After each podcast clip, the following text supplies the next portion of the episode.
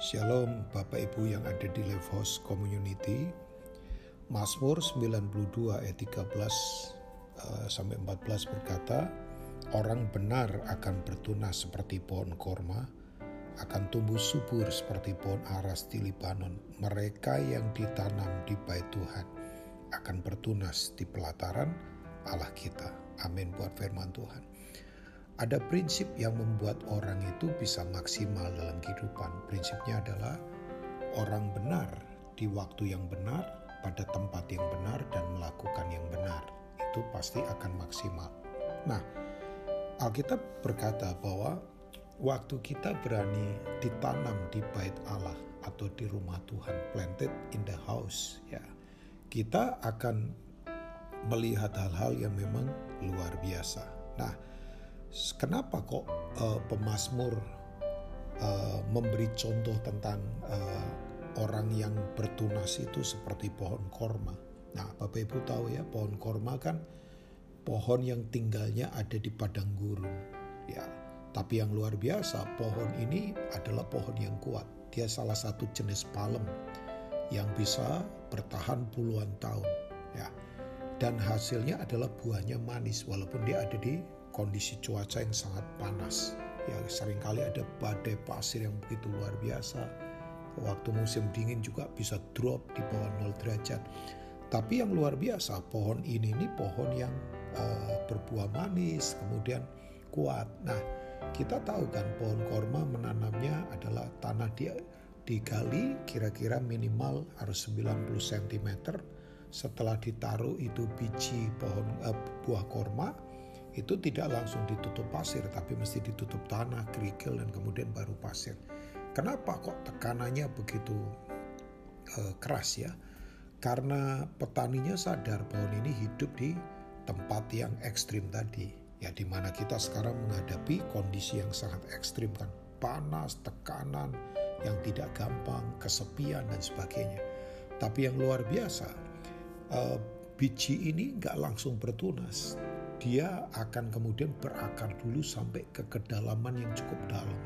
Ya, dalam, panjang dia berakar. Menemukan sumber mata air di mana dia dapat mineral, vitamin di sana. Nah, setelah itu dia baru bertunas ke atas.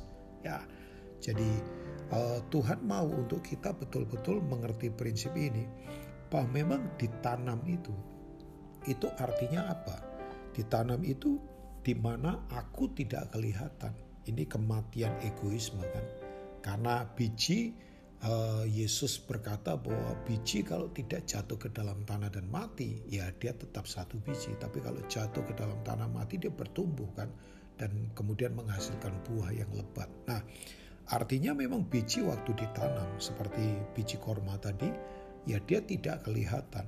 Nah, ini yang disebut dengan uh, apa namanya kematian pada egoisme di mana ini yang disebut dengan kebahagiaan rohani yang sejati ada di kedalaman yang sangat dalam sekali ya. Makanya hari-hari ini Bapak Ibu semua yang ada di Levos sebagai hamba Tuhan saya mengingatkan kita harus punya akar yang dalam ya. Memang di kedalaman itu seperti yang Yesus katakan di Lukas 5 kan waktu dia berkata sama Petrus Petrus bertolaklah ke tempat yang dalam tebarkan jalamu di sana. Bayangkan, semalaman nelayan yang punya pengalaman, waktunya benar, malam, cari ikan, ya alat kerjanya benar, bayangkan.